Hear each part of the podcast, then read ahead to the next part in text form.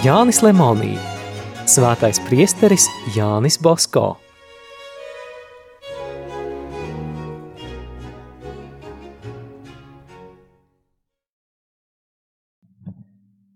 Trešā daļa – Salesiāņu darba attīstība. Pirmā nodaļa – pirmie divi pasākumi. No 1863. līdz 1864. gadam. Nesteidzīgi, bet nepārtraukti Dievs paplašināja priestera Bosko darbības sfēru.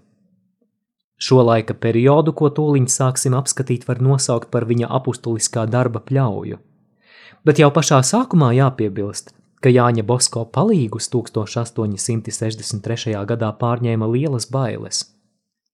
Vadītāja veselība pasliktinājās no dienas dienā. Kādā februāra dienā pastaigādamies ar dažiem saviem audzēkņiem un semināristiem, Jānis Bosko sāka runāt par nāvi un ar lielām skumjām viņiem vēstīja, ka drīz viņam būšot audzēkņi jāatstāja. Audzēkņi uztraukušies lūdza, lai Bosko lūdz Dievu paildzināt viņa mūžu kaut vēl par 20 gadiem.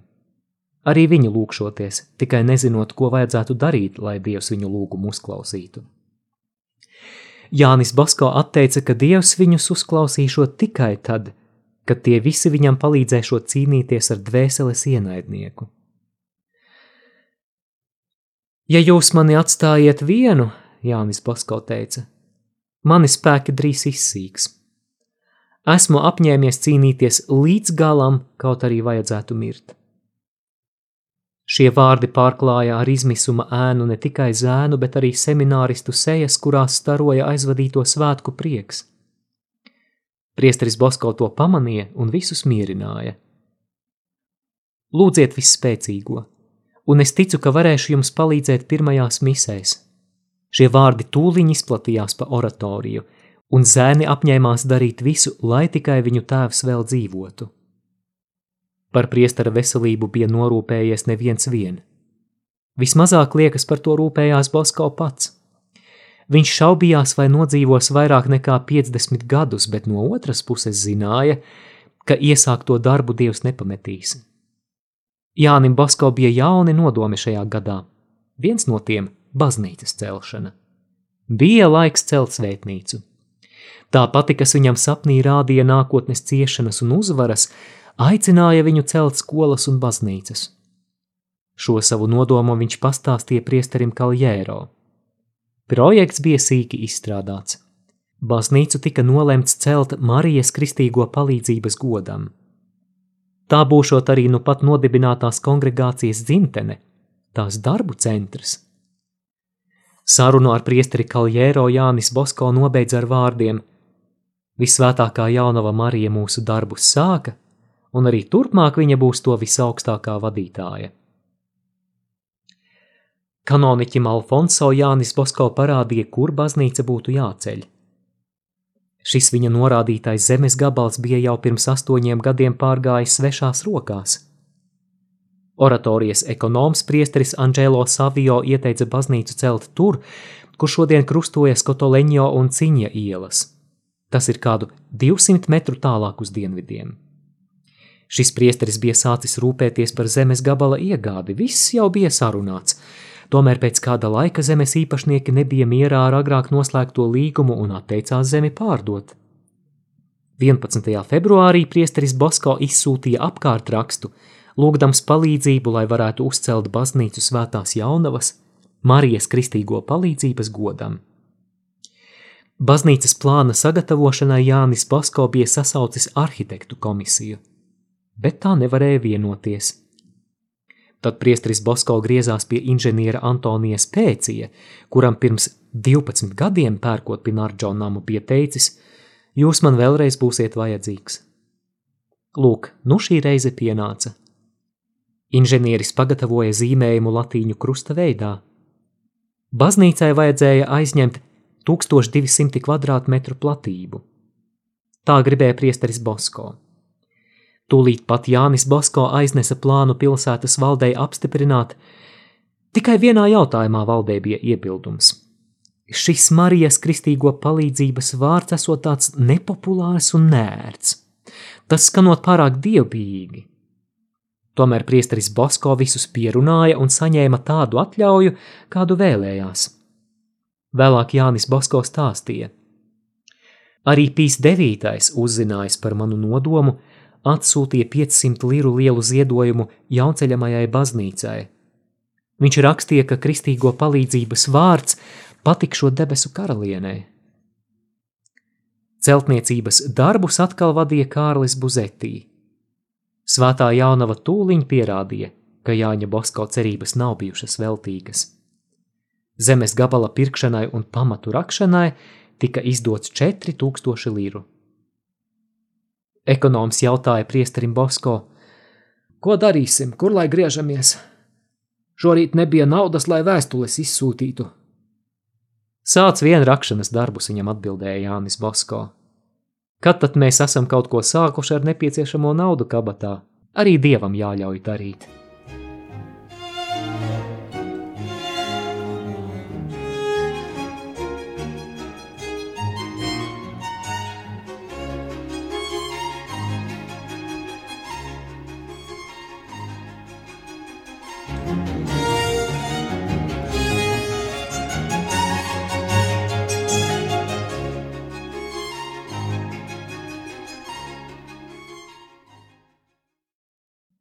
Sāka rakt būvbedri. Strādniekiem bija jāmaksā ik pēc 15 dienām. Beidzoties divām pirmajām nedēļām, priesteris Bosko tika aicināts pie kādas slimnieces, kas jau trīs mēnešus bija atradusies slimības gultā, pastāvīgi klepoja un gandrīz nekā nevarēja ēst. Jānis Bosko viņai ieteica lūgties novennu Marijas kristīgo palīdzības godam. Slimniece apsolīja, ka tad, ja izveseļosies, ziedos naudu baznīcas celšanai. Pēdējā novennas dienā priesterim Bosko bija jāmaksā strādniekiem nemazāk kā tūkstošu liru. Viņš nezināja, kur tik lielu naudas summu ņemt un devās apmeklēt šo slimnieci. Kalpone atvērusi durvis priecīgi stāstīja, ka saimniece pilnīgi izvesaļojusies un bijusi jau pastaigāties. Saimniece dzirdēja istabā priestera balsi un raudādama no prieka viņu lūdza ienākt salonā. Pavadīdama gaidīto viesi, viņa teica: Esmu pilnīgi vesela! Biju pateikties visvētākajai jaunavai Marijai, un jums esmu sagatavojis apsolīto ziedojumu. Šis pirmais ziedojums nebūs pēdējais. Priesteris Bosko paņēma sainīti, pārnāca mājās un to atvēris, atrada tajā 50 marangu. Tas ir tūkstoši liru. Tieši tik daudz naudas viņam bija vajadzīgs. No šīs reizes svētā jaunava tik devīgi apdāvināja ar savām žēlastībām tos, kas palīdzēja celt viņas baznīcu, ka priesteris Bosko varēja sacīt Edifikāvit sibi domum Marija, Marija pati uzcēla sev namu. Tajā gadā priesterim Bosko nebija vairāk jālauza galva cenzēto skolotāju dēļ. Tomēr viņš ieteica visiem saviem skolotājiem gatavoties eksāmeniem. Iegūt certifikātu tajā laikā bija ļoti grūti, jo Gatī izglītības ministrijā darīja visu, kas viņam ienāca prātā. Kad skolotāji iesniedza lūgumu kārtot eksāmenus, ministrs atteicās norīkot eksaminācijas komisiju. Redzētams, ka nelietīgu cilvēku dēļ nekā nepanāks, Jānis Bosko lūdza dieva palīdzību. Savam uzticamajam kalpam viņš tūlīt atbildēja – Priesteris Bosko iepazinās un sadraudzējās ar profesoru Priēru, humanitāro zinātņu fakultātes dekānu. Viņš saņēma izglītības ministrijas atļauju priestera Bosko audzēkņiem kārtot eksāmenus humanitāro zinātņu fakultātē. Šī pirmā priestera Bosko uzvara neļāva inspektoram Gatī zaudēt modrību.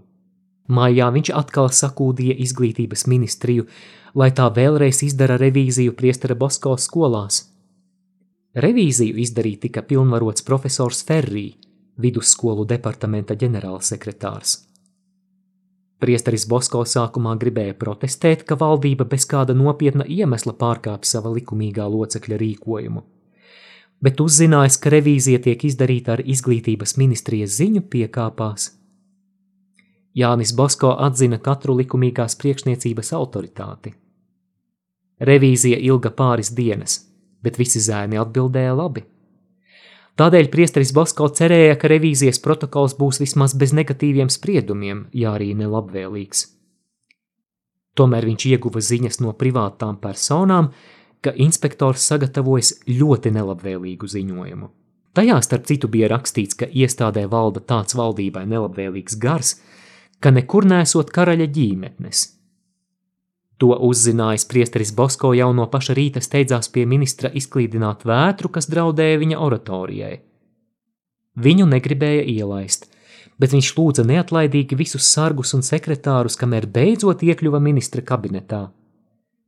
Apsveicinājies viņš droši stāstīja, ka profesors Ferrī ministrijas pilnvaru izlietojas atriebības realizēšanai.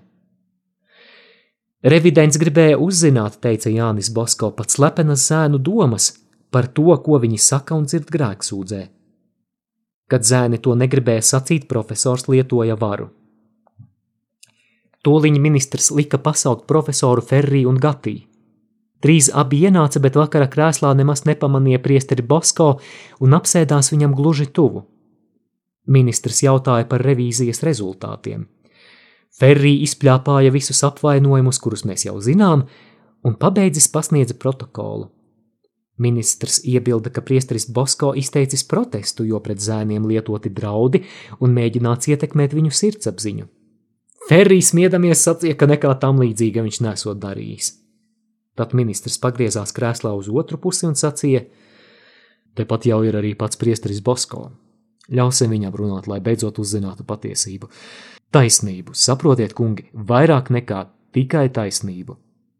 Slikti būs tam, kas būs samelojis. Tādiem es parādīšu, kā atbildīgām valdības personām melot. Viegli iedomāties, kā jutās abi uzticamie revidenti. Gatī pasacīja, ka viņam esot svarīgas darīšanas un viņš ilgāk nevarot palikt. Viņš ar skubu taisījās projām, bet apjukumā atvēra skapja durvis. Ferrī attālinādamies no priestera Bosko sapinās grītsegā un tikko nepakrita. Priesteris Bosko mierīgi piebilda: Ministra kungs, pateicos jums. Es tiešām negribu apvainot nevienu. Es tikai gribu aizstāvēt savu un savu zēnu lietu. Šie zēni tika izjautāti par tādām lietām, par kurām kautrība liedz runāt. Aiziedams profesors Ferrī man apgalvoja, ka mūsu skolas varot būt par likumības un disciplīnas paraugu, un iestādes vadībai paskaidroja, ka viņš nekā nevēlama nevarot par oratoriju sacīt. Viņš pat gribētu sacīt, ka visas vispārējās skolas tā vajadzētu iekārtot.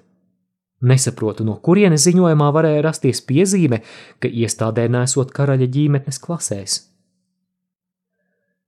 Jā, tas taisnība. Bet kādas ir šīs ģimenes? Pretīgi skatīties, apjucis taisnojās Ferrī. Tā nav mana vaina, bet tā, kas tās zīmējas un krāsojas, arī man labāk patiktu, ja tās būtu daļākas. Pietiek, iesaucās ministrs. Jūs, profesora kungs, varat iet savā kabinetā. Redzu, ka mana skaidri dotā pavēle nav tikusi ievērota, un no viena ļaunuma gribējāt iztaisīt divus. Mēs parunāsim piemērotā brīdī.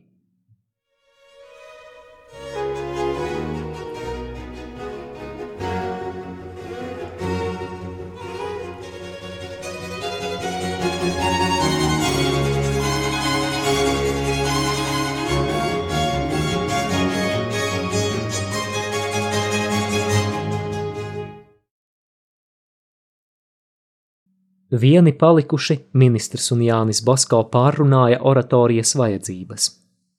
Ministrs Jānim Bosko pajautāja, kāpēc par viņu radušās visādas ļaunas baumas. Priesteris Bosko minēja tādus argumentus, kas ministru pilnīgi pārliecināja un lika pilnīgi mainīt ieskatus par Valdoko oratoriju. Priesteri Bosko pavadītams viņš teica: Viss kārtībā, Esiet mierīgs, jūsu iestādē vairs neviens nerādīsies. Ja arī radīsies kādas nesaprašanās jūsu skolu dēļ vai cita kā dēļ, lūdzu griezieties tieši pie manis. Izglītības ministrijas palīdzīga un draudzīga padoma jums netrūks nekad. Ar dievu, priesteri Basko. Viņam rokas piezdams ministrs sacīja: Ar dievu. Paldies, ekscelence, par labvēlību, ko jūs man parādījāt šovakar, un par palīdzību, uz kuru es ļoti paļaujos, lai Dievs jums dot ilgu mūžu un vēlāk laimīgu nāvi. Ar Dievu, dārgais priesteri Bosko, ar Dievu, atkārtoja ministrs. 6. jūlijā četri oratorijas skolotāji kārtoja iestāju pārbaudījumus humanitāro zinātņu fakultātē.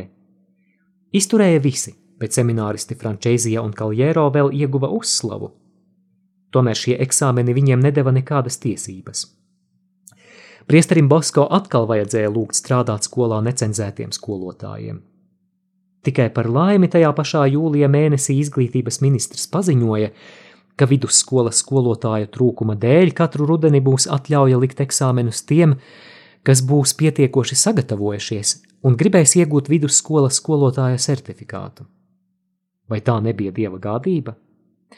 Laika gan bija maz, tomēr priesteri Fusēro, Rufino un Roā, semināristi Bonetti un Balēzio dienām un naktī mācīdamies, pusotra mēneša laikā sagatavojās eksāmeniem un tos izturēja.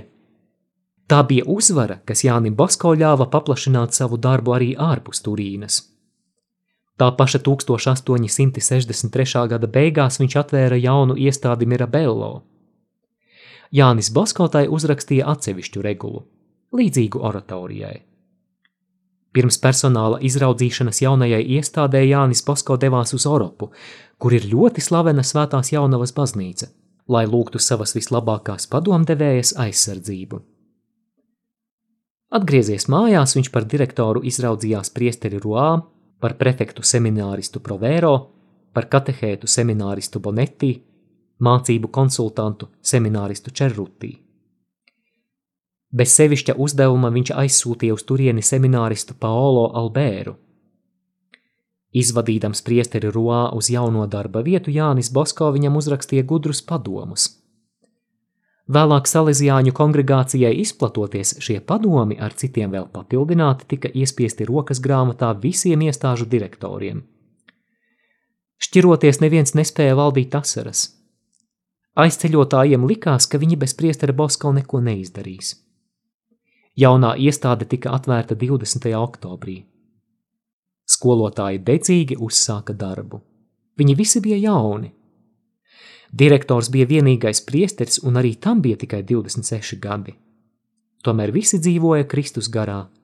Tas padarīja gudru jauniešu karsto dedzību.